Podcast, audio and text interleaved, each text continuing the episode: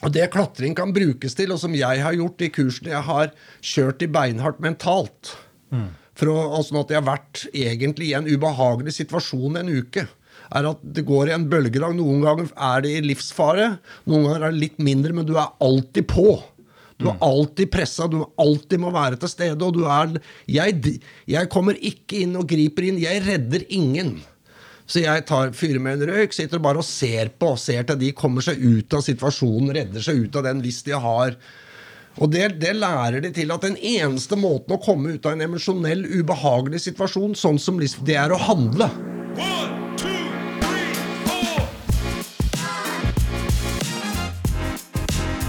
Hvem er denne læremesteren som ikke griper inn?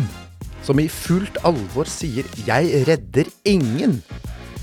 Tatt ut av kontekst, som her i introduksjonen, kan nok utsagnet kanskje høres helt vilt ut. Men vi er ganske sikre på at etter hvert som du blir kjent med dagens gjest, vil utsagnet gi mer mening. Noen av dere vil kanskje kjenne igjen dette navnet fra kjente og harde førstebestigninger. Andre kanskje fra klatrekurs i Forsvaret. Og for noen av dere er det kanskje første gangen dere hører om denne karen. For dagens gjest er ingen ringere enn klatrelegende og læremester Marius Morstad. Uansett, kjent eller ukjent, så er det bare å spenne fast sikkerhetsbeltet og bli med på en halsbrekkende samtale om klatring, kurs, livsfare, læring og instruksjon. Eller kanskje fravær av instruksjon, som vi vanligvis kjenner det. Du hører på Friluftspodden med Aksel og Jørgen fra Norges idrettshøgskole. En podkast om friluftsliv og friluftsfolk. I dag sier vi hei og ønsker velkommen til Marius Morstad. Ja, Når er du født, Marius? 19.3.57. 57, ja. ja. Det var det jeg trodde. Du og Det er jeg og Bjørn, feirer- Bo- jeg, Bjørn Borg og han, der, eh, han svenske bryteren. Det er den Golden Og han eh, Ingmar Stenmark. Det er The Golden Generation. Ja. Ikke sant? Mm. Det er gudskjelov ikke så lenge igjen. Vi er på vei samme vei, samme sted. Det er jo liksom en lettelse, egentlig. Livet er jo faen ikke for amatører, altså. Nei, det er ikke det. Nei. Man prøver jo å være profesjonell, men man er ender jo opp som en amatør, altså. Det der må vi komme tilbake til. da. Altså, kan jo ønske deg velkommen, da, Marius, Takk, takk. til, eh, til Friluftspodden. Mm. Um, uh, Jørgen, du har forberedt deg godt i dag. Usedvanlig bra. Ja, Det er veldig fint. Um, og, og noe av det som jeg har tenkt litt på Vi har fått noen tilbakemeldinger nå. Vi har det. Ehm, det kom jo meldinger inn både via e-postkontoen vår, som er Um, friluftspodden.no. at nih. Det er riktig. Eh, Men også muntlige tilbakemeldinger av folk vi møter, og, og det er hyggelig, og det er også nyttig for oss. Og en av de tilbakemeldingene vi har fått, det er jo at eh, vi sier ofte i våre episoder at det er tematikk vi skal komme tilbake til. Ja, jeg blir jo ofte gira, Ja. sånn at jeg mener ofte at vi, det dukker opp ting som vi har veldig lyst til å prate om seinere. Mm. Men så seinere har vi ikke fått tatt tak i da. Hittil så har vi ikke klart å følge opp det der seinere perspektivet. Så tenkte jeg kanskje i dag at vi skulle klare å, å få til det. Ja. Og en av de tingene som vi har sagt at vi skal komme tilbake til, det var en historie jeg begynte på, hvor jeg pratet om et skredkurs som jeg holdt uh, på Leirvassbu sammen med deg, Marius, for eh, kanskje 15 år siden. Um, og det, det var med noen soldater, og, og det som slo meg da, da, det var at etter at jeg hadde holdt på med disse soldatene og skredfare i tre, fire, fem dager, så opplevde jeg ikke at det var noe endring av atferd. Altså, jeg hadde sagt i tre-fire dager at dere må i hvert fall passe på at dere sjekker skredfare i leheng. eh, Der var det er brattere enn 35 grader. Og så dagen etter kurset så ser jeg da en gjeng med soldater som driver og står på ski da i akkurat de hengene som vi sagt at det i hvert fall ikke bør eh, oppholde, i, eh, oppholde seg i den dagen. Og, og da, da tenkte jeg litt sånn, hva er poenget med disse kursene? Eh, Altså Gir vi dem bare en trygghet om at de kan gjøre ting med en eller annen form for overbevisning om at nå kan de mer, eller hva, hva er det som skjer på et kurs? Eh, og så har jeg jo diskutert også dette her med kurs mye med Marius, da. Marius Morstad. Eh, og nå har vi jo fått Marius hit i dag. Eh, jeg tenkte jeg skulle presentere Marius litt. Ja, det tror jeg er fint. Ja. For det, det er mange som kjenner Marius uh, veldig godt og har et veldig bevisst forhold til Marius og vet hva han står for. Og så er det mange som ikke vet hvem Marius er. Ja. Og hvis jeg hadde spurt Marius nå om å presentere seg sjøl, så ville han sagt eh, nei, det hopper vi over, det er ikke så farlig. så derfor så tenker jeg at eh, det, det Jeg tror det er viktig at vi presenterer Marius ordentlig, sånn at eh, lytterne vet hvem Marius er, og hva han har gjort for å komme dit han er i dag. Så at bakgrunnen for å prate om de tingene vi tenkte å gjøre i dag, det er da litt mer logisk og en naturlig linje på. Ehm, så Marius, du er jo en klatrer. Først og fremst er du en klatrer. altså Det er mange som klatrer, men Marius er én klatrer. Og, og det mener jeg det er en forskjell på. Uh, du er nå blitt 65. Du får utfylle meg hvis, du, hvis det er noe feil her. Du har lov å korrigere, Jørgen. altså. Men uh, du, du er blitt 65 år, og, og fortsatt så klatrer du stort sett hver dag, gjør du ikke det? Jo, Ja, Du holder i gang. Det har jeg aldri, aldri fått det til. Jeg har vært relativt liksom, talentløs, ikke så veldig modig og ikke så veldig Jeg er ikke født og oppvokst i Asker, sånn som deg, så jeg har ikke hatt en allsidig eh, idrettsbakgrunn. Jeg har måttet liksom bare plukke stein og hogge ved. Og det er dårlig for det gir dårlig liksom, Du får ikke et sånt veldig stort motorisk repertoar av det. Så klatring har egentlig veldig, vært veldig vanskelig for meg. Jeg har måttet, men jeg har villet det veldig, jeg har ønsket det veldig, jeg har hatt masse drømmer og ambisjoner. Og for å kunne oppfylle de drømmene og de ambisjonene, så har jeg måttet liksom lære meg ting, sette meg inn i det, hva det hva klatring egentlig er, hvordan vi, alle de bestanddelene, og prøvde å gjøre noe med, med min egen kropp og min, og min egen mentale tilstand eller syke da, i forhold til det å utsette seg for en sånn type risiko. Da. Og, For du, når, når du sier at du ikke får det til eller ikke har fått det til, så er det klart, det, det er jo relativt, da. Um, du har vel um, førstebestigninger eh, som det fortsatt eh, prates eh, om. Altså, eh, kanskje vi skulle starte med Fitzroy? ja, det, ja, det, var, det er jo liksom én greie, da, men vi, vi, Vi starter der. Jeg starter ikke der, for det er jo egentlig det, det som jeg hatt litt grann å gjøre, et prosjekt som jeg hatt litt grann å gjøre med Ole Einar Bjørndalen, og han er egentlig aldri fornøyd. Han, han, han vinner, men han kan, noe kunne alltid vært gjort bedre. Ja. Og det er, en, det er en interessant prosess å gå inn i det. Hva er det? Hva kan jeg gjøre bedre? Være på en måte og, og sånn har det vært litt sånn for meg for klatring også. At du er på en måte aldri fornøyd. Og du er, du er, du er liksom fornøyd i, i noen minutter, i noen sekunder, når du er, har overlevd og gjort det, men så er det på en måte hva er neste? Hva kan jeg gjøre annerledes? Hvordan kan jeg forstå dette her? Og det var det som ledet meg til å komme inn på idrettshøyskolen her på den kjente handikap-kvoten for, eh, for, fem, ja, for 30, mer enn 30 år siden. Som en, som en gammel mann. Og det skal vi komme litt tilbake til. Jeg må bare si litt mer om hvem du egentlig er. da, for det, altså, du, du, du startet jo opp uh, altså Du var vel i, en av pionerene uh, innenfor norsk sportsklatring. Altså Der hvor du gikk over fra å være fjellklatring til å bli sportsklatring. Og da var jo du både i alder og i ferdighet uh, i, i spissen for det miljøet som da vokste fram sånn på midten av 70-tallet over i 80-tallet. Ja, Det kan være sånn, men du må også huske alltid på det at eh, vi mennesker vi er redd for å bli avslørt. Og det er jo en av de tingene at vi egentlig liksom har strevd litt mer enn det enn det som vi enn det, enn det som var på en måte er nødvendig, eller eh, vi er redd for å bli eh, ja. Men det, det endte i hvert fall Eller endte, det er jo feil å si, men i hvert fall du har noen uh, meritter. Og blant annet den her førstebestigningen av Fitzroy i Patagonia. Du var vel førstemann som klatra Ja, første nordmann. Første, Første nordmann. Ja, f- ja, ja, ja, sånn. Så jeg, jeg, jeg klatret jo sammen med en eh, ja, sammen med en det, det er en annen historie. Det er en egen podkast som jeg tror vi får spare den. For her er det mye Det er, mye, og det er, det er en lang historie. Ja, men da, har vi, da kan vi komme tilbake til det, da. I en annen podkast. Så var det Hyndefossen i eh, Hemsedal. Ja. Hvis man kjører oppover Hemsedal og ser til venstre, så ser man Hyndefossen. Mm. Den eneste store fossen man egentlig ser inn i Hemsedal. Og den klatra dere i er Sånn 80, 79, 80 Jeg husker ikke, for jeg, jeg, når jeg har gjort ting, så har jeg alltid vært ferdig med det. Hva er det neste? Ja. fordi at det er, det er alltid noe, på en måte, noe sånn ubehagelig, det å prøve å leve i fortiden. Ja, ikke sant? Så, det er alltid, så jeg har aldri vært så veldig opptatt av å markere, skrive ned hva jeg har gjort, avbilde, holde lysbildeforedrag flere år etter at jeg har gjort noen ting. Jeg har aldri vært noe interessert, jeg har aldri vært noe inter, interessert i å eksponere meg sjøl på, den- på den måten. For når jeg har gjort det, så er jeg veldig ferdig med det. Så da pirker vi litt mer i det ubehagelige her. Ja, og det- og I Itwati så gikk du eh, Den hvite stripe Ja, ja. på Andersnatten.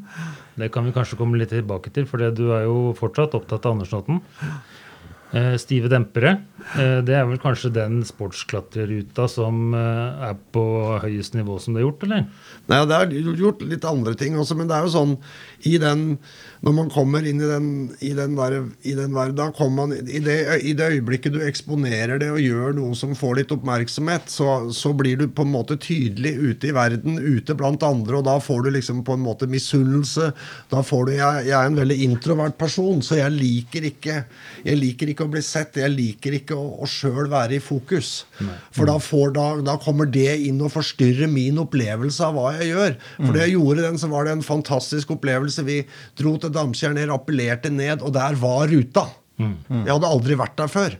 Og der lå den foran meg på en måte helt perfekt. Vi bor, jeg boret den, og så på en måte gikk vi den. og og, og ga det navn, og så var jeg på en måte så ble det litt sånn eksponert. Det kom litt i A-magasinet. Det ble litt, ble litt grann sånt. Og, det, og det, jeg opplevde egentlig det som, på en måte som ubehagelig.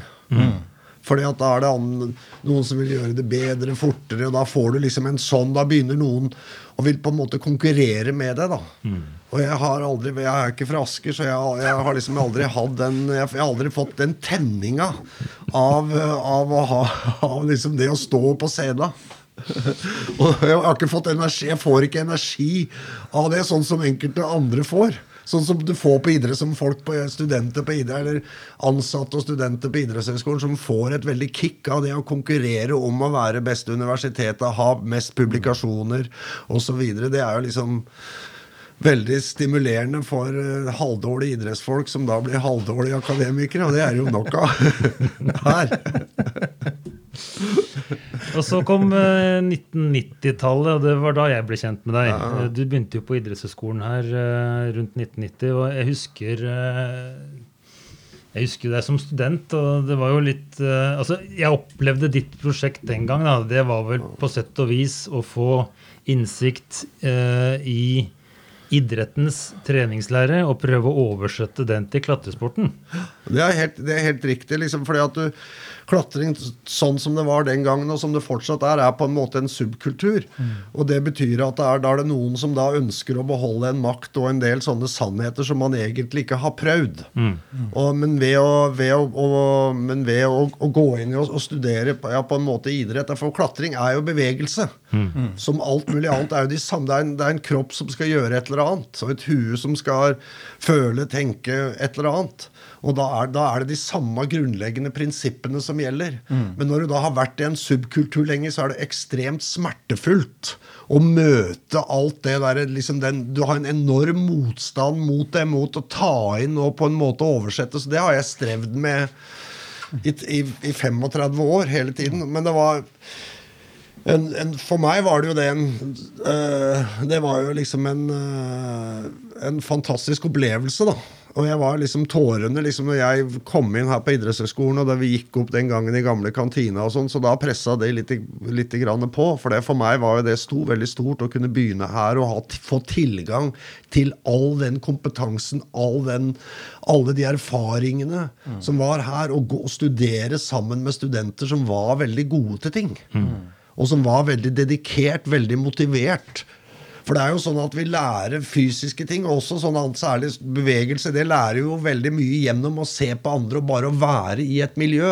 Og når du er sammen med olympiske mestere, verdensmestere, svømme med sammen med Jarl Inge Melberg, ikke sant? som var den beste norske svømmeren der, og alle de Og du var på skikurs. Du, uansett hvor du var hen, så var det bare liksom Bare det å være her gjorde det at du, at du, at du ble bedre til ting. Og det er, og det er noe som man som Det er jo en, på en måte en svunnen tid, da. Og, og du hadde lærere som hadde, som du hadde lærerne hadde skrevet lærebøkene, og som har liksom vært trenerne og er lærerne til alle de mest kjente og beste trenerne vi har i Norge. Og det er, bare det er et sånn fantastisk, sånn unikt pri privilegium å da få tilgang til det. Og det var på en måte Breivik som hjalp meg, redda meg inn der. da, For jeg måtte jo streve mye for å få dette Alf siden jeg ikke hadde artium. da. Og, og, det, og, og da, og, og hvordan Olav, den legendariske skitreneren Olav og læreren Olav Eikrehagen hjalp meg med norsk. For jeg hadde jo ikke skrevet noe annet enn navnet mitt. Jeg er jo bare 9. klasse. ikke sant? Jeg har kursplan 2, som det het den gangen på ungdomsskolen. Hvor han hjalp meg, for jeg hjalp meg med det å skrive en sånn til eksamen og sånt. for jeg, Det var jo helt håpløst. Én ting var skrivefeil, men det var jo liksom ikke noe Ja, nok om det. da, så det, hvor den, den hjelpen og den støtten du fikk, den entusiasmen som, som var den gangen, og den hvor man var så opptatt av alt det vi ikke visste. Hvor man prøvde å få liksom lys inn i mørket, prøvde å få en sånn klarhet. Og det gjorde jo det at, og, da, og siden har det, de, mange av de tingene som ble tatt opp da med skreiner og sånt, alle de tingene, de, de har jeg kjem, drevet og prøvd å forstå og forstå liksom hele livet. Det er, det er noen sånne nøkkelgreier i forhold til det med forandring, læring og prestasjon som, som du bare må ha der. Og når jeg hadde, jeg studerte jo også biomekanikk, ikke sant? så da visste jo det Skreiner og Hetland alle skjønte det at jeg muntlig at kan, Jeg kunne jo ikke regne, ikke? Jeg, jeg, var helt, jeg kunne jo nesten ikke. Men da stilte de meg ingen De visste det, men de stilte meg ingen spørsmål om det, for det visste de at jeg ikke kunne. Så de spurte på muntlig så spurte de meg spørsmål om ting de visste jeg kunne, og ting jeg var interessert i. Så det var liksom eh, Så bra. det, det var, ja, så det, så jeg, må, jeg må si det at liksom de studieårene her og den, liksom det jeg har fått ut av det, har jeg, det reddet meg på en måte. Den frustrasjonen jeg hadde ved å være i en subkultur og ha de jobbene hvor jeg hadde jobber jeg gjorde for å overleve. da. Og, og det at du da fikk tilgang til Og du blir jo veldig frustrert når du driver med ting og ikke skjønner hva du holder på med. Det er jo noe du kan bli litt sånn ja, ulykkelig av og, og på alle mulige måter, men det at du da ble tappet at, at noen liksom koblet deg på på de verktøyene som, som, som da læring er. Og, og, at den, og at, du da, liksom, at du da kunne fortsette liksom en livslang læring om klatring, trening, spenning og ut, liksom sånn, at du, Det kan du holde på med hele livet. Hvis du ser på det som en prosess, og ikke noe du skal bli ferdig med. For du vil aldri forstå det, du vil aldri få en fullstendig oversikt over noen ting. Du må bare jobbe, søke og søke og søke, stille de samme spørsmålene igjen og igjen. Og, det er, og det får du gjennom en sånn en sånn type utdannelse som var den som på en måte var den gangen. Da du ser det at det er utrolig mye som jeg sier, Klatring er jo, handler om å gjøre ting første gangen på blikk. liksom, Det er en av det er liksom en sånn greie. Og de beste i verden til det, det, forstår du når det går. Det er ikke klatre, det er fotballspillere og ballspillere på et høyt nivå. For, de er, for dem er kontinuerlig uforutsette situasjoner hvor du da ikke kan tenke, ikke gå gjennom en sånn prosess. Hvor du på en måte må handle hele tiden. Intuitivt. Sånn, ja, ja, ting du ikke kan forutse. da. Så, og det, det, er jo sånn at du ser det at forutsetningen for å kunne liksom, for, i svømming handler om å kunne slappe av i vannet. Hvis du ikke kan slappe av i vannet, det er, det, det er der det begynner der.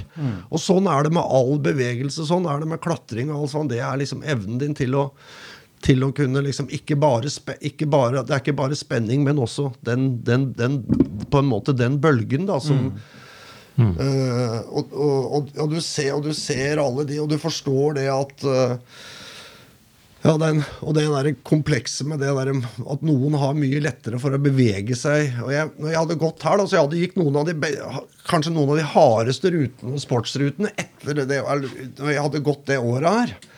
Fordi at da hadde jeg blitt utsatt for et bredt spekter av bevegelser. Masse forskjellige idretter, masse ting jeg ikke hadde gjort noe særlig i det hele tatt. Så jeg fikk åpna på en måte opp mitt motoriske system. da. Gjøre det mer plastisk og mer liksom friere. Og det gjorde det at jeg faktisk hadde At jeg gikk da noen av mine beste ruter og på en måte best form. Og selv om jeg da klatret mye mindre, for jeg hadde jo liksom familie, to barn og måtte ha tre jobber ved siden av for å klare dette her.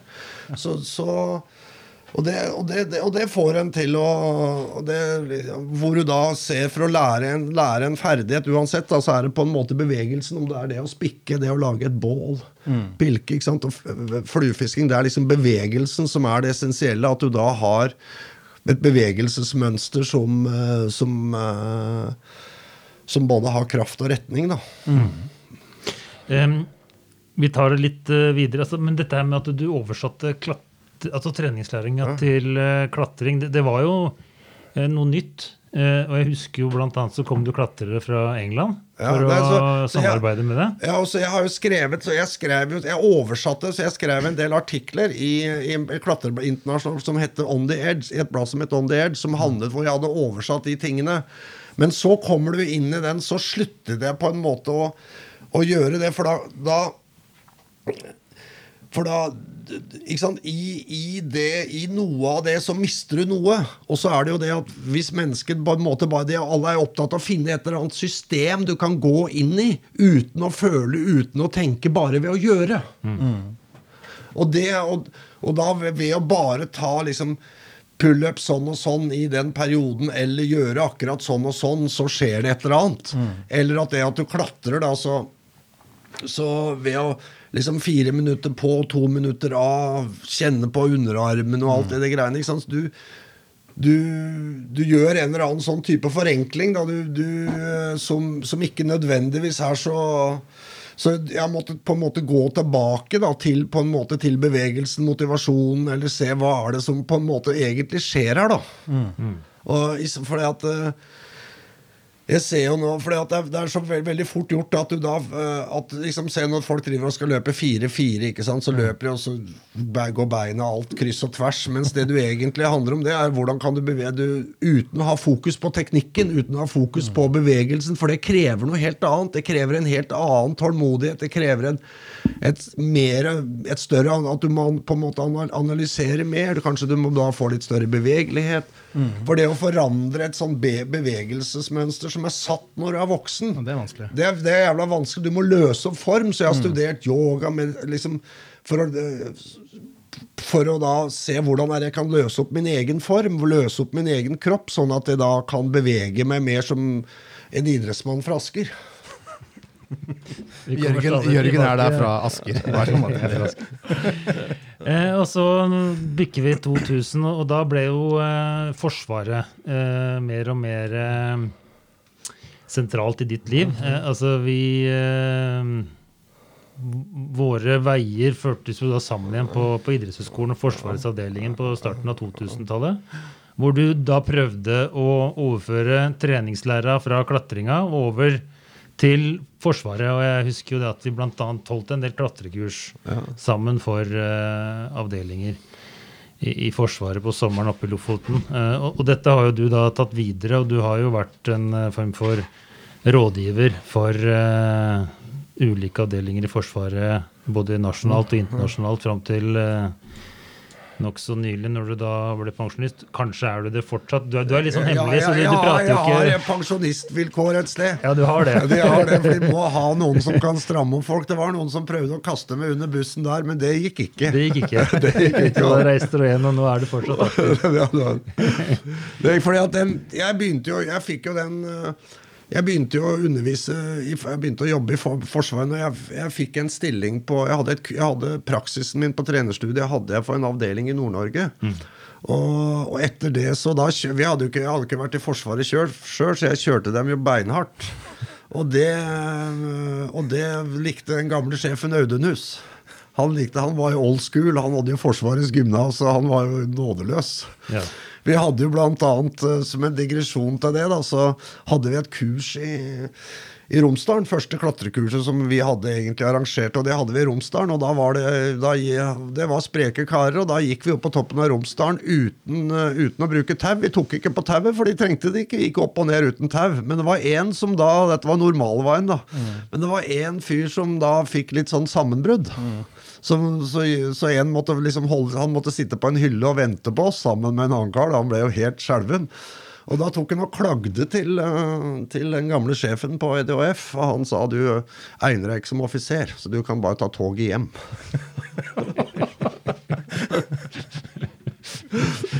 Og, og, da, og da fikk jeg en, etter det kurset fikk jeg en sånn halv stilling på Forsvarets institutt, hvor jeg da jobbet annet med, med, med klatring. fordi man var jo, veldig, var jo veldig opptatt av, og den gangen så var man jo mer opptatt av å få de tingene inn. liksom på en måte, Og det var på en måte litt sånn i tiden, da. Så det som jeg hovedsakelig Jeg vil ikke kalle det kurs, på en måte jeg har jobbet med, for jeg, jeg har jobbet som en når du går inn som soldat, og veldig mange av de jeg jobber med, har jo liksom opptil ett til to, ja, to års utdannelse, så det er en del av den pakka som handler om hvordan å mestre norsk natur, hvordan å eie natur, og hvordan du kunne be bevege deg i en størst mulig del av norsk natur.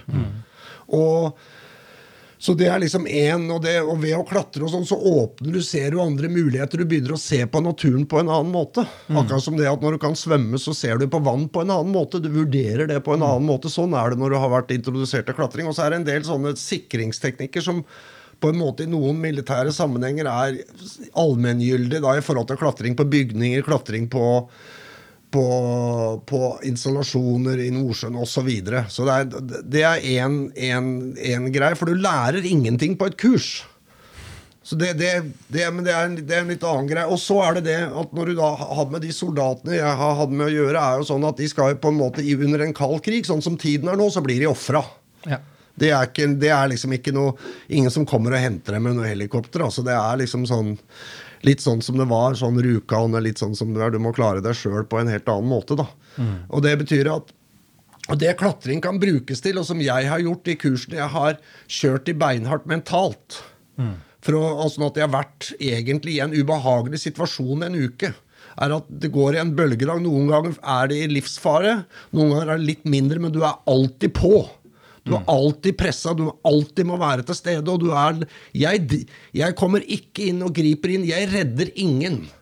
Så jeg tar, fyrer med en røyk, sitter bare og ser på. Ser til de kommer seg ut av situasjonen, redder seg ut av den hvis de har Og det, det lærer de til at den eneste måten å komme ut av en emosjonell, ubehagelig situasjon, sånn som det er å handle. Fordi at du står der, og du, og du fryser, og, du, og du må, det ingen det, Det kommer ingen. Så du må enten da gå opp eller ned, men du må få kroppen i gang igjen. Du må få kontakt, for når du blir veldig redd, så mister du også kontakten med kroppen og motorikken. Men da må du liksom få tak i den igjen.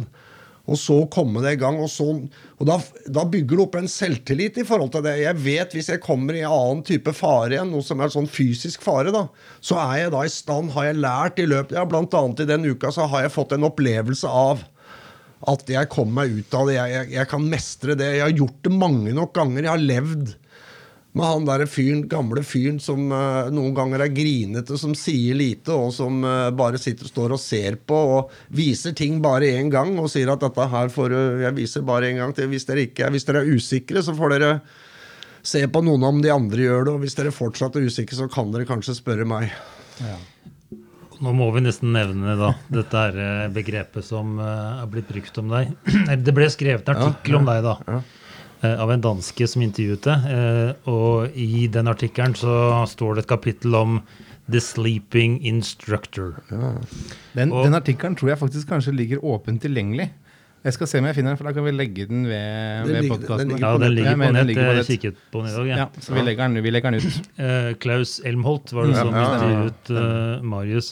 Og, og, og det klatrekurset som den uh, episoden er hentet fra, der, der var jo jeg med. Det, det var jo uh, ute på Kalle i Lofoten. Og, og for meg var det jo en litt sånn voldsom opplevelse, egentlig. For det, du hadde holdt disse kursene med soldater eh, i flere år, og hadde utviklet din metodikk basert på det du trodde på. Og så skulle jeg inn og ha kursansvar. Du, du var klatreinstruktøren, og jeg hadde kursansvaret. Og så kom jeg litt seint opp, tror jeg, sånn at jeg møtte dere i løpet av første eller andre dagen. Og da ser jeg jo ti-tolv taulag med to og to som drev og holdt på rundt omkring i svabergene på Kalle. Og så ser jeg deg som ligger på ryggen og med lukkede øyne og soler seg og tilsynelatende sover. Og så tenkte jeg bare shit, hva, hva er det som skjer her? Og det var ingen andre instruktører. Jeg tror bare det var du. Ja, jeg vil ikke ha flere. Nei, jeg tror det bare var du. Og så, så tenkte jeg dette her er noe av det mest uansvarlige jeg har sett i hele mitt liv. Og så tenkte jeg dette her kan ikke jeg ha ansvar for. Eh, heldigvis, da, før jeg eh, rapporterte til forsvarsledelsen, så tok vi en prat eh, hvor vi diskuterte hva, hva du holdt på med.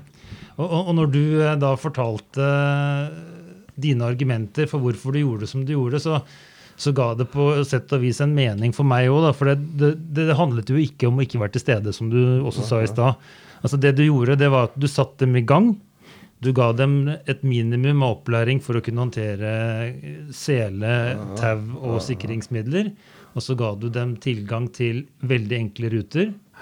Og så lot du dem få ansvar for å ivareta egen aktivitet. Og så lytta du. Og det du sa, i hvert fall, jeg håper du vil si det samme i dag, det var at du lytta etter stress. Og, og hvis du merket at det var eh, taulag som, som stresset seg opp, så tok du en tur bort og så prata litt med dem, og så ga du dem kanskje en litt mindre utfordring.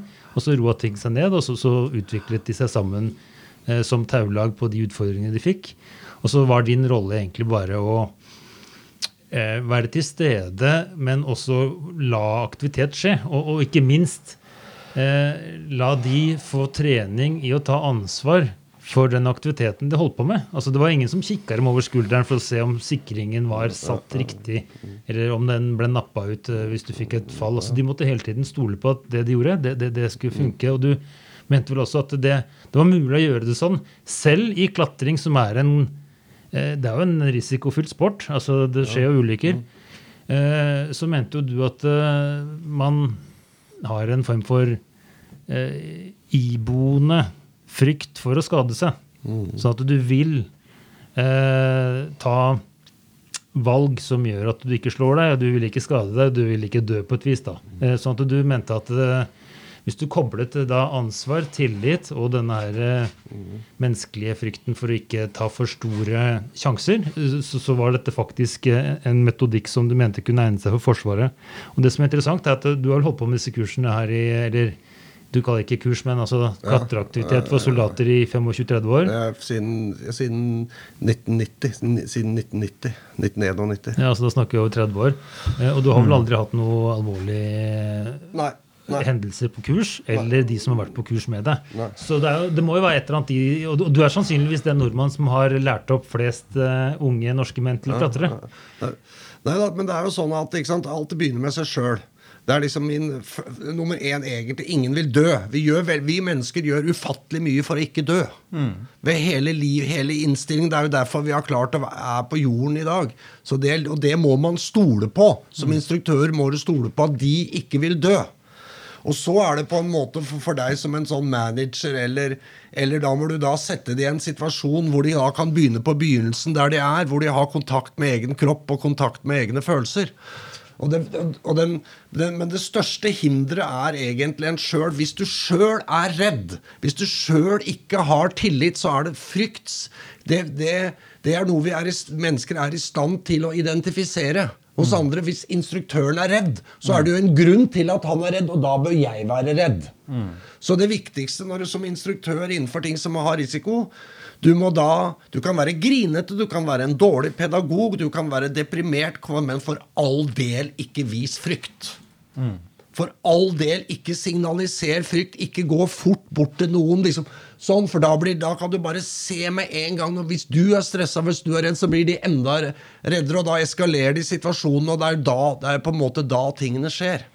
Så du er på en måte en sånn så det er det jeg jobber med, det er å føle, liksom, føle, føle hvordan, hvor er det de er hen, liksom, for det er alltid noen som ja, det, det er, det er, Dette er jo en egen greie, da, hvordan du jobber med en gruppe da, som, er, som egentlig ikke har valgt å gå på klatrekurs. Noen har lyst, noen har ikke. Men noen har, det, det ligger en sånn greier i forhold til det med motivasjon i bånn, men alle de jeg stort sett hadde, har jo relativt like fysiske forutsetninger, men de har litt forskjellig personlighet. Så så det er på en måte ja, liksom, hvordan, hvordan er det du, at du får klare å begynne på begynnelsen? Og det, det du erfarer, det jeg erfarte med en det jeg fant ut Først så begynte jo jeg med alle mulige slags viser dem. Det er en karabin, sånn og sånn. Hadde teori først, teori om kvelden. Det funker sånn og sånn. og alt. Jeg begynte med alle de tingene. Brukte opp tid på det. Og hvis det ble, når aktiviteten stoppa, da, så begynte jeg å samle alle sammen for å fortelle om teori og for å vise noe nytt som de ikke har gjort. Og liksom gjorde alle de tabbene, så jeg, måtte, jeg skrella vekk alt. Og så begynte helt på med å lede med en gang. Uten nesten noe undervisning, noe teori, uten å bare satte dem i gang. Spør dem klarer du at, tror du at du klarer det. Ja, jeg, det klarer jeg. Så bare sett dem i gang. Og så går det på en måte av seg sjøl. Og da får du det, liksom de helt, det som vi overser i all moderne læring. Du må ha utrolig mange repetisjoner over lang tid på et lavt nivå. Og, og, og i det øyeblikket når du da bringer inn sånn som fare, den risikoen, det gjør jo det at Og det er bare det Du må sjøl vurdere om den kilen der er bra. Eller om den sikringen eller om den standplassen er bra. Du må jobbe med den. Om det da tar deg to timer. Så da, når du da føler deg trygg på den, så er den trygg. Det er min erfaring. Og så sier jeg hvis du er utrygg på den, putt inn en til. ikke sant? Men det er du sjøl som må vurdere om, du, om, om dette her holder eller ikke. Og det gjør at folk gjør en mye bedre jobb. For prestasjon er jo tid og presisjon. Men hvis du da du, bru- hvis du lar la folk bruke mye tid, så øker presisjonen. Men hvis du begynner å stresse det greiene der sånn, eller begynner å gå den den kilen der, den var Nå henger jo folk ned ved å gå instruktør Ja, den kilen var dårlig, den var ganske bra, den var ikke sånn, den kunne Så da, da ender det med at du ikke har noe selvtillit i det hele tatt. Over det, på en måte det du gjør. Og, og, og da er det liksom så da, og ved å gjøre så, så trent, Og da hadde jo jeg at noen da ville ha kameratredning og drive med masse sånne kompliserte Så vi har prøvd alle de lage taubad. Vi har på noen av de kursene vi har prøvd fordi at det kom hadde noen instruktør utenfra de, Og du er jo usikker, du vil jo gjerne lære folk noen kompliserte greier hele tida.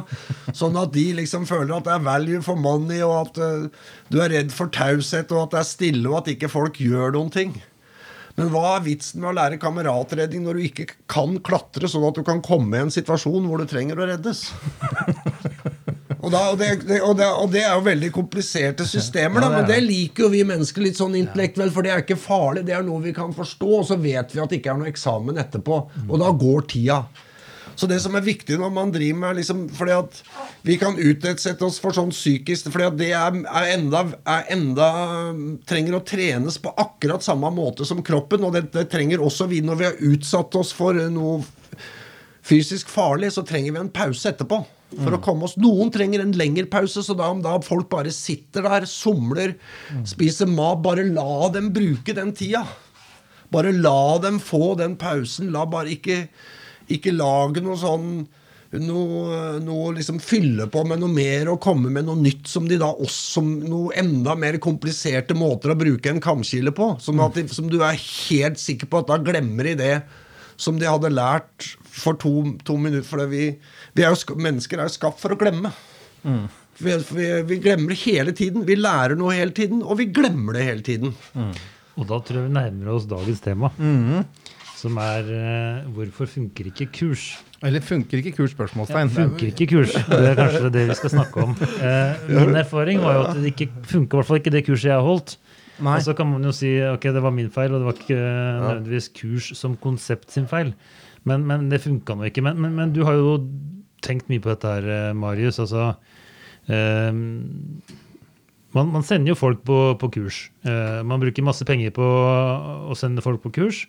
Og så er man borte i tre-fire-fem dager, og så kommer man tilbake, og så har man hatt en strålende opplevelse. Og så forventer man jo da at det har eh, resultert i bedre prestasjon eller bedre ferdigheter eller mer kunnskap osv. Og så eh, vet jeg kanskje ikke om det er eh, noe som faktisk eh, stemmer med, med praksis alltid. Hva, hva- er din erfaring? Det er litt sånn, ikke sant, Si at du da jobber i anleggsbransjen og har fått en ny eh, bulldoser.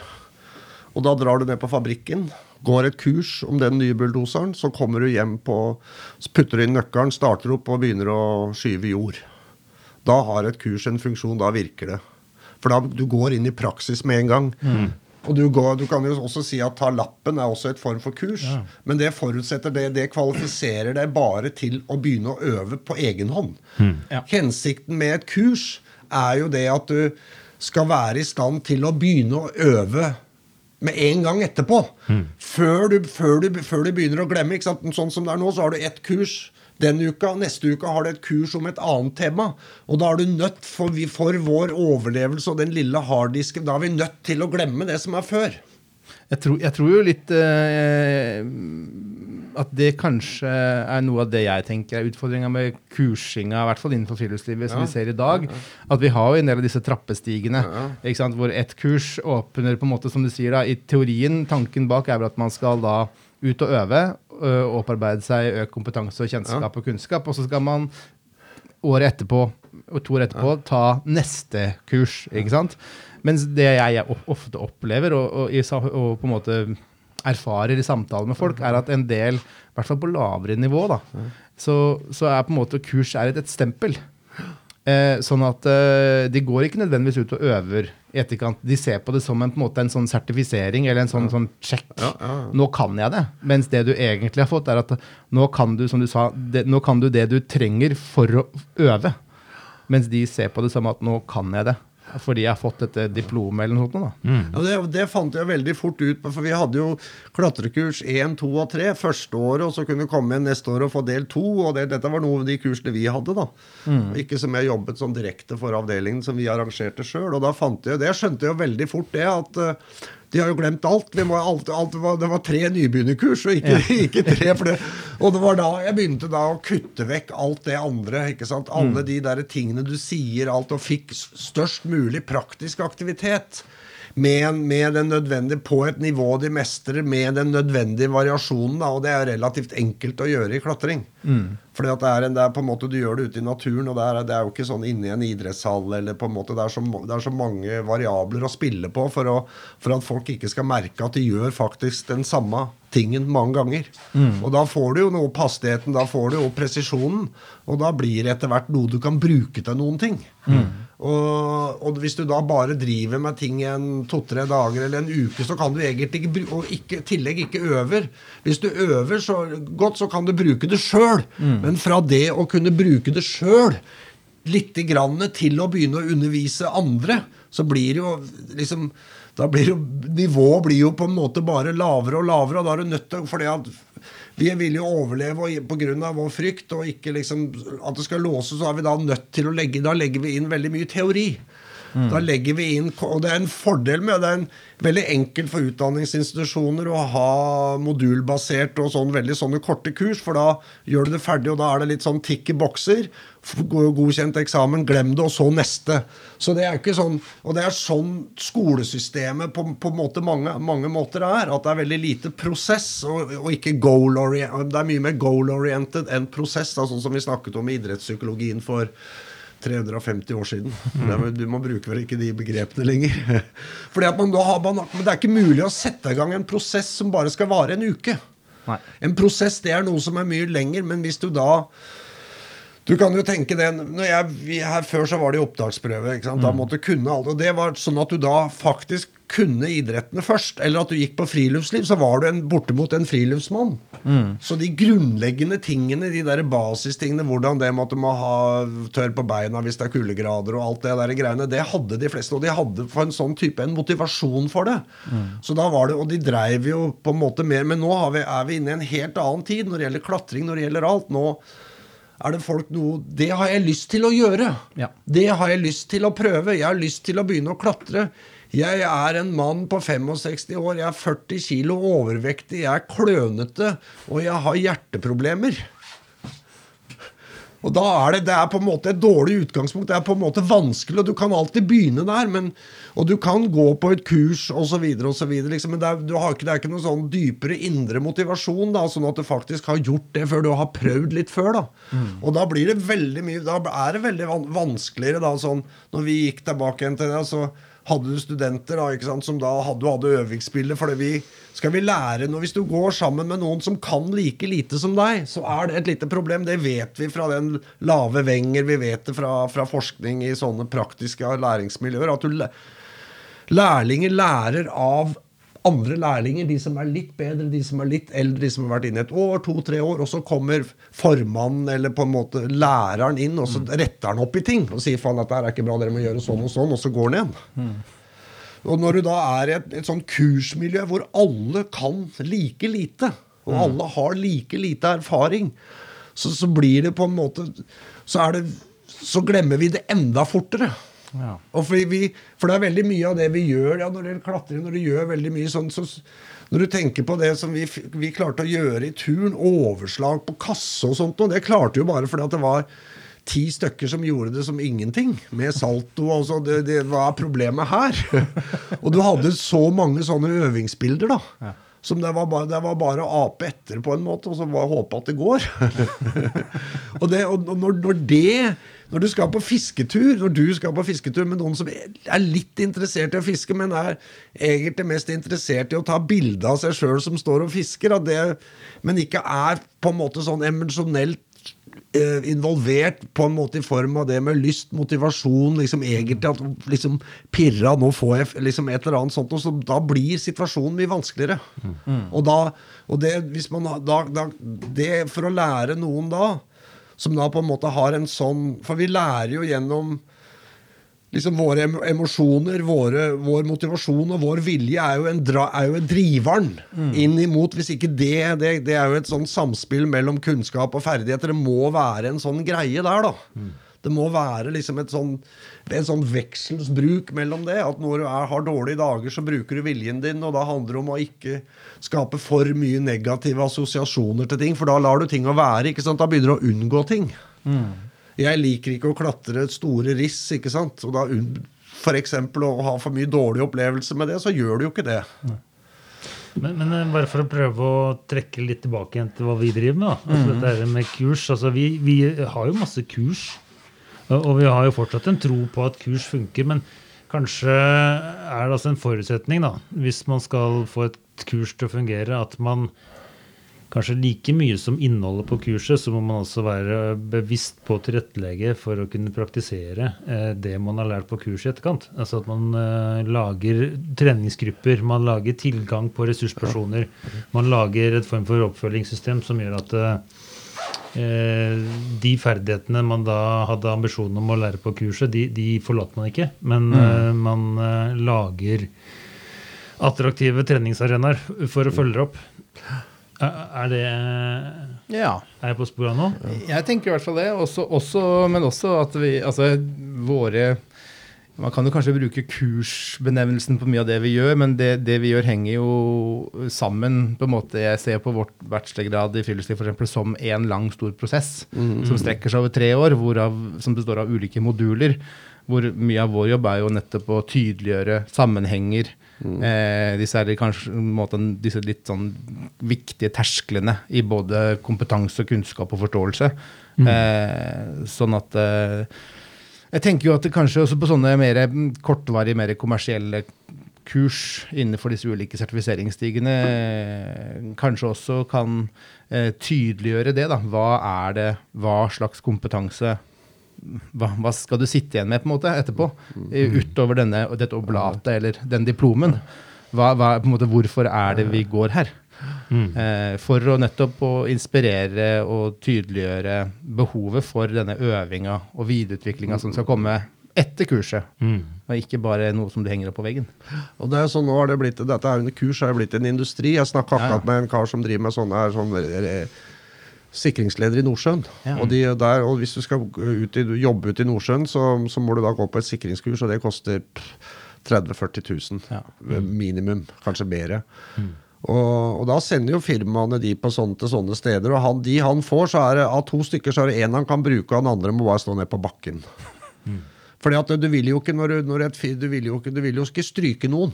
Du vil jo ikke stå, for da vil jo ikke det firmaet sende de tilbake igjen fordi at de ikke får ikke godkjent. For de vil jo liksom bare bruke 30 000-40 000 én gang.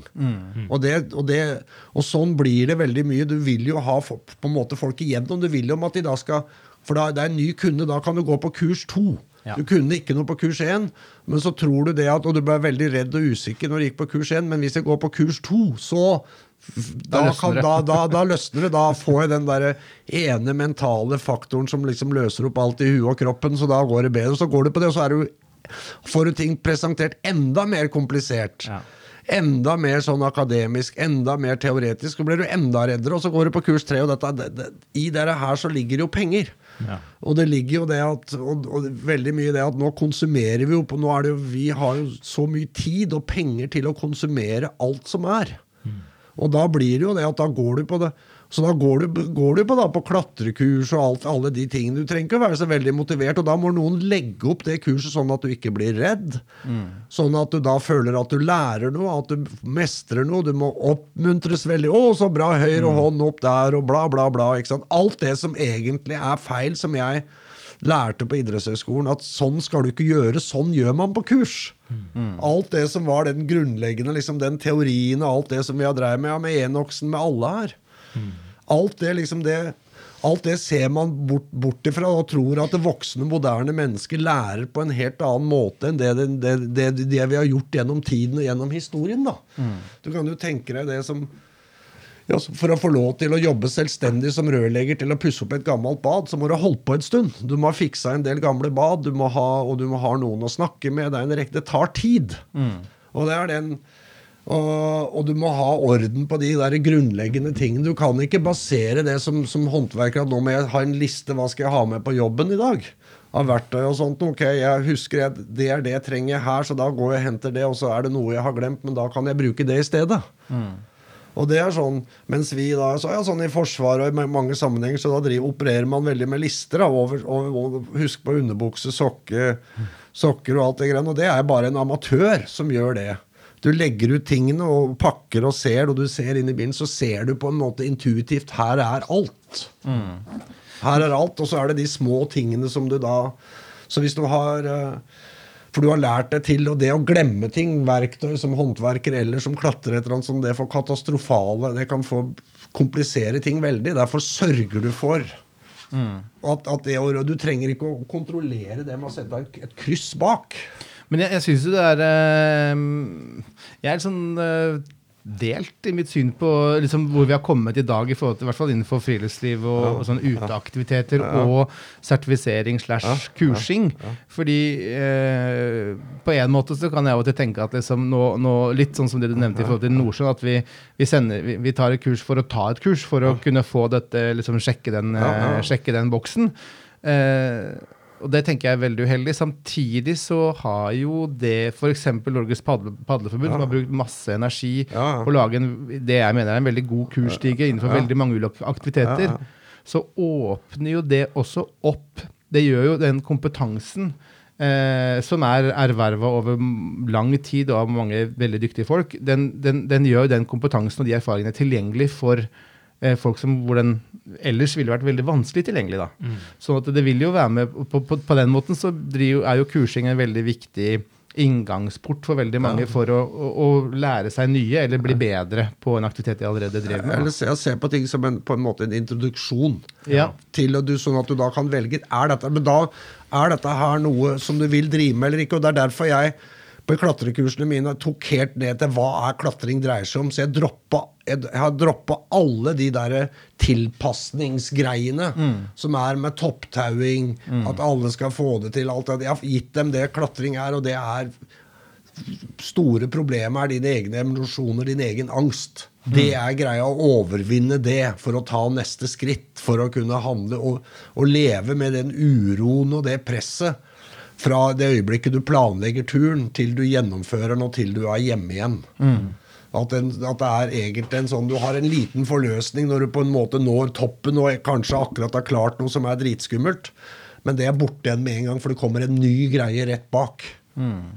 Men, men jeg lurte på en ting. Sånn, du har jo holdt på da i over 30 år med å eh, klatreopplæring i, i Forsvaret. Eh, og som Jørgen vinner på, du er jo, du er jo eh, en kjent personlig innenfor klatremiljøet.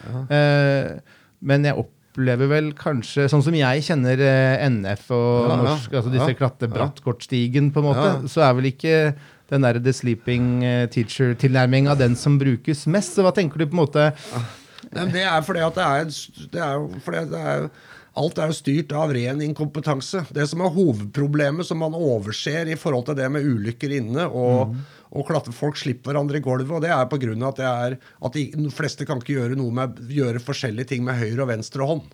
ja. Det er en ren motorisk greie. Du ser noen faller, og så ser de ned på hendene sine, og hvordan var dette her igjen? Ja. Men så jeg, jeg, jeg, jeg, jeg bruker jo jeg, de, jeg har jo selektert personell som er vant til å behandle bl.a. våpen og vant til å gjøre flere ting med en gang, og som er vant til det.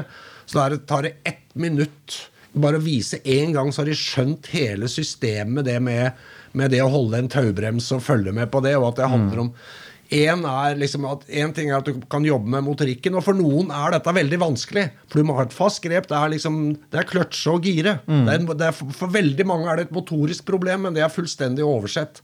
Noen får det til på ett minutt. Andre får det, til, får det aldri til. Nei. Så det er jo igjen, Men da kan man Alle står jo. Alle går gjennom de obligatoriske timene hvor det trinnene liksom, hvor de går og lærer masse om karabin. Det er sånn, og ikke klipp den veien. Alt som egentlig er helt uvesentlig. Det at, øh, og da er det jo og det, og, og, da, og det det andre, andre og, og akkurat sånn med kamerating, sjekke kameratene, sjekke, sjekke alle, gjøre alle de tingene. Men det er jo noe du faen sjøl skal vite om du har Knut Knuten eller ikke. Du må jo ta ansvar for deg sjøl. I Forsvaret så har du ikke en annen fyr til å sjekke om, om du har noe om du har, om du har en kule i løpet. Nei.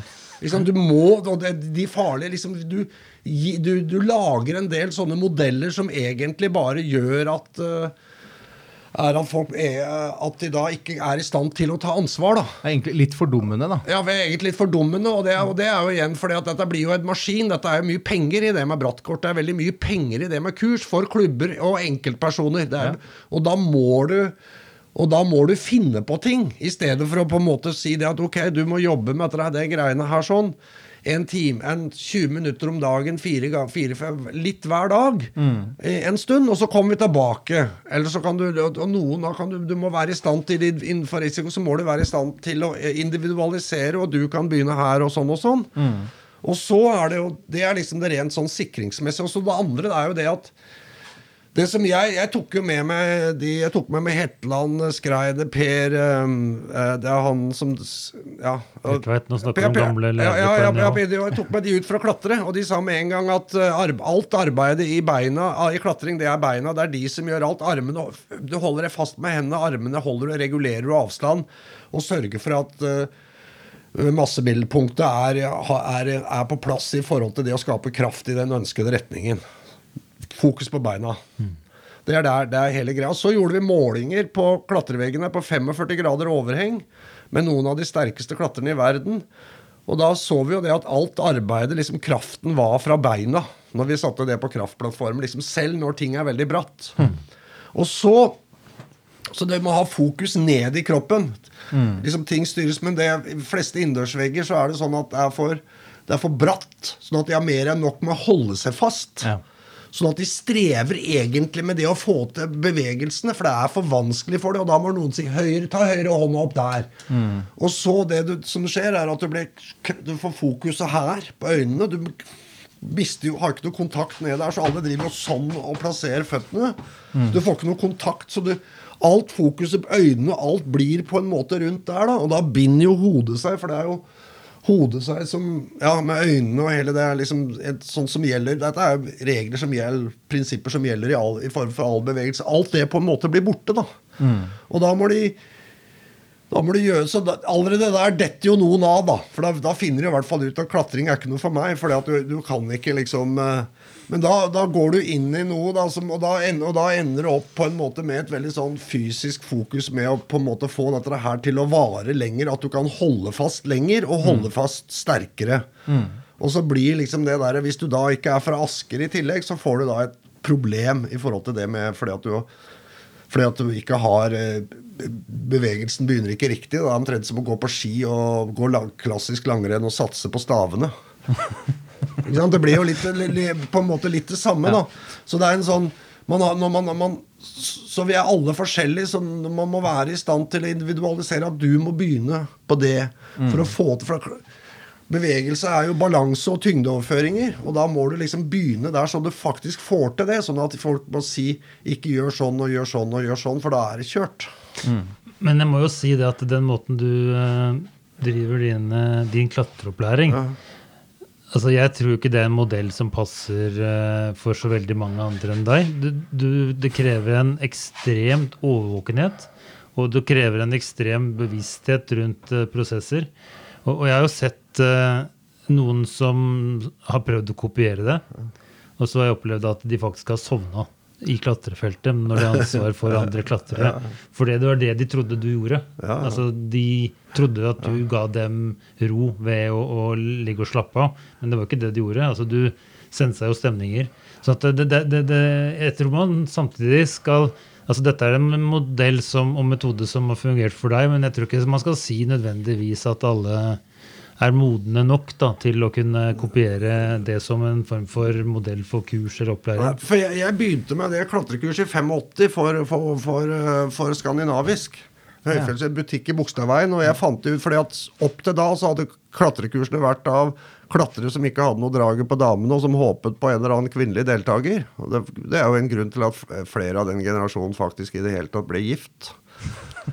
Men, eh, men at, eh, og, at, og at de da folk var redde hele tiden, eller at det var for komplisert. Så det var ikke, for jeg er opptatt av selvstendighet.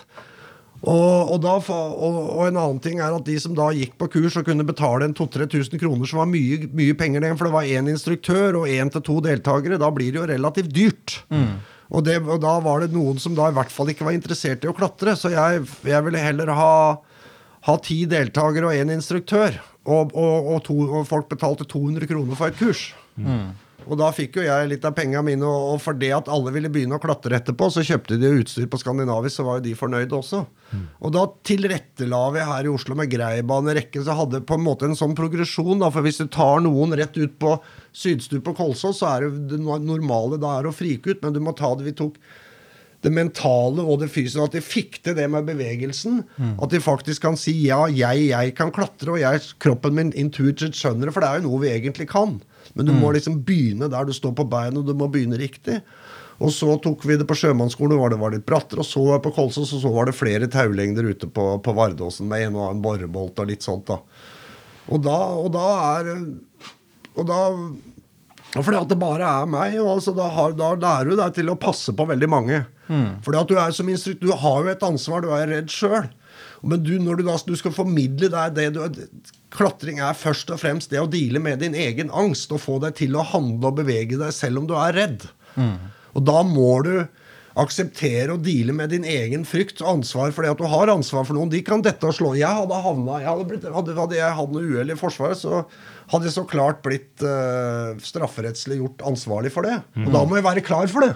Jeg er klar til å sitte inne. Jeg er klar til å forsvare det. Jeg er klar til å ta de konsekvensene av å ha hatt noen stryke med det målet. Det er som det er som å sende noen i krigen som offiser eller leder. Du må være villig til at noen Du må ikke frike ut ved tanken at noen kan dø her. Du må være villig til å Ellers så kan du ikke være, kan du ikke være en ordentlig fjellklatreinstruktør. Hvis du, hvis du, I det øyeblikket du vrir deg unna den følelsen, for den ligger under hele tida Jeg er jo kjempesliten etter jeg har hatt kurs hvor jeg sender folk ut på oppdrag som de må løse, ting som de ikke har forutsetninger for egentlig, men da som gruppe. Men jeg har veldig selektert personell. Ja.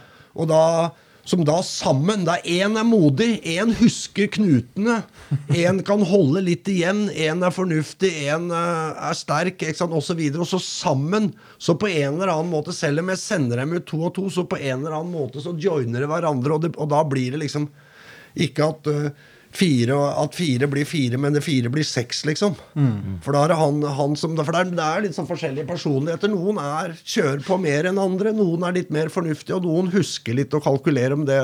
Da blir det en veldig bra sånn dy, dy, dy, eh, gruppedynamikk ut av det. For du kan ikke ha folk som bare er modige eller bare redde.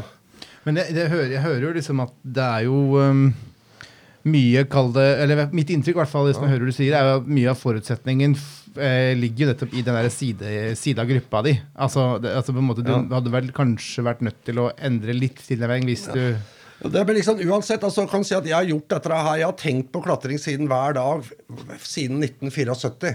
Så, jeg, så For å gjøre sånn som jeg gjør, så de krever, og jeg hatt masse kurs, masse jeg har prøvd, masse jeg har eksperimentert. Jeg har aldri gjort det samme på de kursene. Jeg har prøvd ut alle mulige slags modeller. Og jeg har, jobbet med rusmisbrukere. Jeg har jobbet med også andre i, i den perioden. Og jeg har også hatt eh, personell som da ikke har hatt de fysiske forutsetningene. Så, men det, du kan gjøre akkurat den samme modellen. Du må bare finne hvor er begynnelsen. Ja. Hvor er det alle kan Det er hvem det spiller ikke noen rolle. Alder, kjønn, helse. Du, men det er ikke noen annen måte. Hvis du skal presentere noe som handler om risiko, og som handler om å lære å utvikle det, så må, du, må de få at de kjenner på den følelsen. Og for noen er det Og det kan være bare å eh, jeg har jo jobbet med folk hvor vi da, for å få dem til å bevege seg, bare rødt lys i litt sånn bratt terreng. Og du må finne noe som normalt jeg bare ville gå og ikke tenke er klatring. Det er klatring for andre. Da kan de legge sikringer der. Da kan de jobbe der, og gradvis da på en måte akseptere på en måte situasjonen. Men alltid det er å, å begynne der folk er.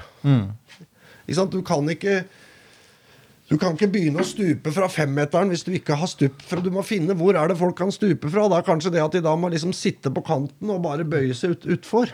Finne, finne, finne ut det. Og så er det egentlig Men det, det å, å jobbe med de Det krever jo Det krever mye på en måte Det krever en del erfaring, og ikke minst det at du da Det krever at du har liksom psyken til det. At du, at du ikke Det, det øyeblikket du, du friker ut og blir redd og viser angst, og liksom så, så, så, så ryker hele greia. For da blir alle redde. Og da, det er da det skjer.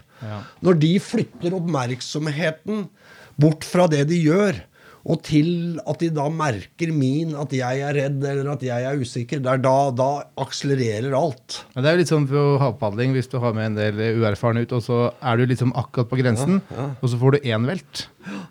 Og så blir det bekreftelsen på det alle har vært veldig redde for at skulle skje. Og så får du masefelt. Ja, ja. Fordi da begynner alle å velte. Fordi da flytter fokus vekk. ikke sant? Ja, ja. Og så blir det Oi, shit, det, er, vi kan velte her. Det er noen gjorde akkurat. Og så velter vi òg. Ja, ja, ja. Så, så det er liksom noe av det samme greia. Nei, så er, For meg, dette er jeg har på en måte liksom, Det er en sånn for å, stu, for å liksom studere menneskets sinn. Da. Jeg vet jo hvem jeg Jeg har jo hatt masse folk. Jeg, jeg vet jo jeg, jeg kan jo nesten øh, ja, ja, Du kan jo nesten se på hvilken, hvem, hvilken personlighet, hvem som liksom får, øh, får krigskors og sånt. Og det kan du liksom Det ser du nesten på et kurs. Det, kan jeg, det kan jeg liksom på en måte Når jeg ser tilbake og tenker tilbake de jeg kjenner som jeg har hatt på kurs, som har blitt merittert for ting, da, så er det ofte det at jeg har ikke det at jeg nødvendigvis har en At jeg er noe motorisk bedre, eller at jeg er noe husker noe bedre, enn sånt, men de har en personlighet da, som at jeg er litt mer sånn aggressiv på. da og at de da er liksom, vil, liksom At det er lettere for dem å gå inn i emosjonelt vanskelige situasjoner. De er ikke så på en måte å ha en personlighet som ikke er så reservert. da Så de er villige til å gå litt lenger. Så, men det er det er jo en, på en måte en annen sak. Men alle, uansett hvor engstelig du er, det er bare å finne, finne begynnelsen. Og, det er, og det at du da skal lære brattkort på en overhengende vegg, så når han faller av han som du skal sikre å lære det greiene, når han faller ut i friluft, så er han jo mye tyngre. Hvis det hadde vært sva, så hadde alt vært mye lettere. Da hadde han ikke fått den kroppsvekt. Da hadde det vært mye lettere å gjøre de tingene. For da hadde du hatt mye mer tid. ikke sant? Og dette går på kommunikasjon og stedelse. Men man, Ja. det, det, og man begynner da å anbefale sånn som det finnes sånne bøker av kurs og alt mulig, at hvordan begynne å trene campus. ikke sant? Campus som egentlig er ja, noe sånn fra, fra Som er egentlig en sånn forberedelse som en sånn omsatt klatring, som brukes da inn, brukes innen i friidrett i den overgangsfasen fra en tung styrketreningsperiode til mer sånn teknisk løp. Du skal overføre den for å få opp liksom rate of eh, force eh, development litt raskere, så da før du da begynner med løpinga igjen, liksom for å vekke opp systemet. Og det lager man da om til en egen treningsform for folk som ikke kan løpe. Det, det, kan du, det, kan du, det, det finnes jo kurs i sånne ting. Du kan ha kurs i campustrening. Kanskje det var noe for oss, eh, Aksel? Jeg jeg hadde gjort det dårlig der, tror jeg. Nei, men det er jo, det er, så, så- så det, det er jo liksom Det er jo den derre kommersielle Det er jo den Og det er jo det problemet, ikke sant. Sånn som, ja, sånn som i utdanningsinstitusjoner, da, hvor folk liksom de er, Motivasjonen er sånn som jeg har på en måte lyst til å gjøre det, men det er, så, det er jo når du ja, sånn som hos dere, da, hvor det er så mye de, du, ting skal kunne. Det er jo så ekstremt overveldende og truende og ubehagelig og skummelt. Så du ønsker jo på en eller annen måte som hele elev, Og du har alle medelevene er i samme båt, egentlig. Da ønsker du egentlig Da jobber du med å få kontroll på innhold og på, på, på, på hva som skjer. Og da vil du gjerne ha det tilbake til sånn som vi driver i skoleverket i dag. At det er ingen som leser bøker, alle forbereder seg til eksamen. alle så det, Man veldig sånn driv, vil, man vil ha det veldig sånn regelstyrt, så man kan liksom krysse av det, da skjønner jeg det. og man ikke ha det sånn at du på en måte må vise det, eller at du må kunne det. eller annet sånt. Du vil, du vil ha en lager hele tiden for, vil ha forutsigbare situasjoner. da. Og det er jo liksom Det er jo en, på en måte en sånn utfordring, fordi at du er avhengig av å levere noe til den gruppa som egentlig ikke har så jævla lyst, eller som du har egentlig som kan velge å gå, og da mister du makt. Så det, det, det er en sånn maktgreie som ligger under der, da, hvor det er veldig fort gjort å og ja, at, da, at det blir litt på deres At de som ikke kan noen ting, setter premissene på hva som egentlig skal læres. da Men Det er liksom fordel med de jeg har jobbet med i, i Forsvaret, og sånn, for der er jo jeg sjefen. Eller faen, dere kan liksom, Hva tror dere at dere liksom kan si fortell, driver og evaluere meg? altså? Hva er liksom, hva er dere liksom Grenser for innbilskhet, altså? Ja, for det, det er jo en forskjell fra, fra vår hverdag. ja, ja, ja, ja. Det, det er det som er så Jeg hadde noe greier på krigsskolen, jeg underviste deg et eller annet. Og da, øh, da skulle alt, skulle, der skulle alt skulle evalueres, og da brukte vi mer tid på å evaluere hva jeg hadde snakka om, enn det jeg hadde snakka. Ja. Og du, hvordan kan du evaluere noe du ikke har noe greie på? Du kan evaluere du kan, du kan fortelle om hva din egen opple opplevelse av impo, eh, impo, eh, inkompetanse og mangel på forståelighet og, og mangel på kunnskap, det kan du fortelle om. Men du kan jo ikke drive og det er jo sånn grenser for det. det når du, ja, som sagt øh, når du ikke, hvordan, hva, hva er logikken i det? Hvordan kan du liksom fortelle en kokk, en, en Michelin-kokk, liksom hva han syns, hva han syns om maten? Du har jo ikke noen forutsetninger for det. Da var Bra. Eh, jeg tror vi runder av i dag, Ja. eh, Aksel og Marius. Ja. Eh, eh, fikk vi løst floken? Eh, funker kurs? Tja. Tja, det er vel kanskje der vi er. At uh, Kommer an på hva slags kurs og kontekst. Og. vår Ja, det- oppgave er ikke nødvendigvis å svare ja eller nei på Nei, jeg noe som tenker helst ikke Men det, er, men det er en billig greie. Når man, så, var, apropos det, da, det var, var sånn, de, på, I Forsvaret så gjorde man noe det var en sånn utdanningsreform. Og jeg var vel den eneste som ble kasta under bussen, men det er en annen historie. Og det var at de ville gjøre om alt til modulbasert læring. Og det betyr at, uh, er at du, da glemmer du alt. og det er jo litt sånn, det er jo greit hvis du, du ikke, hvis du da ikke skal i krig, så er det, da er det ikke nødvendig. Det skal jo ikke brukes til noen ting, så det er jo ikke så farlig. Nei. Men problemet er hvis du skal brukes til ting, og du har brukt veldig mye tid på noe du har glemt. Ja. For det er ikke mulig. Det er ikke mulig å, å, å, å lære noe som du på en måte intuitivt Apropos Dreifus og de tingene der sånn. Hvis du ikke intuitivt kan gjøre det veldig enkelt, og at du da har, det gir deg det nødvendige overskuddet og den mentale kapasiteten. liksom. Du kan ikke snakke om oppdragsbasert ledelse og sånt hvis, da, hvis folk skal gjøre noe som er veldig vanskelig. Ta den haugen der og sånt. Du gjør, du gjør det på din måte, du. Men det, hvis, du ikke har noe, hvis du ikke kan noe om det, så vil jo din måte være å gå hjem igjen. For du har jo ikke noe god løsning. For, det det å gjøre, for jeg vet ikke hvordan jeg skal gjøre det. for det og da blir du usikker, da dør osv. osv. Så, videre, da. så det er en måte å spare penger på. Det er veldig enkelt for lærere. Det å ha kurs og modulbasert er veldig enkelt for lærere. Fordi at er, da, da underviser du en kort periode. Du trenger ikke å gå noe dypt ned, og du kan holde det teoretisk. Så det er en, det er en veldig sånn så det, og, Men det ligger jo på en måte litt i tiden, da, for det, er jo, det, er jo, det er jo ikke liksom sånn effektivisering osv. Eh, hva man skal ha tid til å bruke ressursene på i forhold til det. Men det er en rekke sånne ting. Da. Men vi har, hvis vi menneskene skulle ha lært å bli født og gått gjennom livet, liksom, til vi var sju-åtte år og begynt på skolen med de modellene der, så ville vi faen ikke klart å spise, gå på do uh, Noen ting.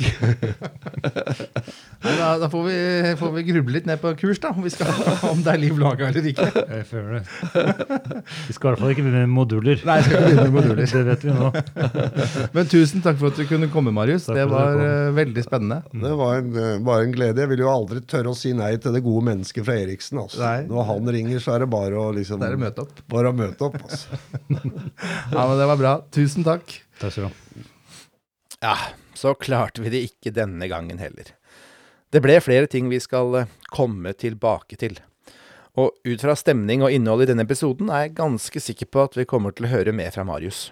Han sa jo selv at historien om Fitzroy i Patagonia måtte bli en egen episode. så da må det vel nesten bli det, da. Vi håper du gjennom dagens episode har fått noen nye perspektiver på dette med kurs, instruksjon, fare og ikke minst læring. Og mens denne episoden mikses, laver snøen ned her på Østlandet.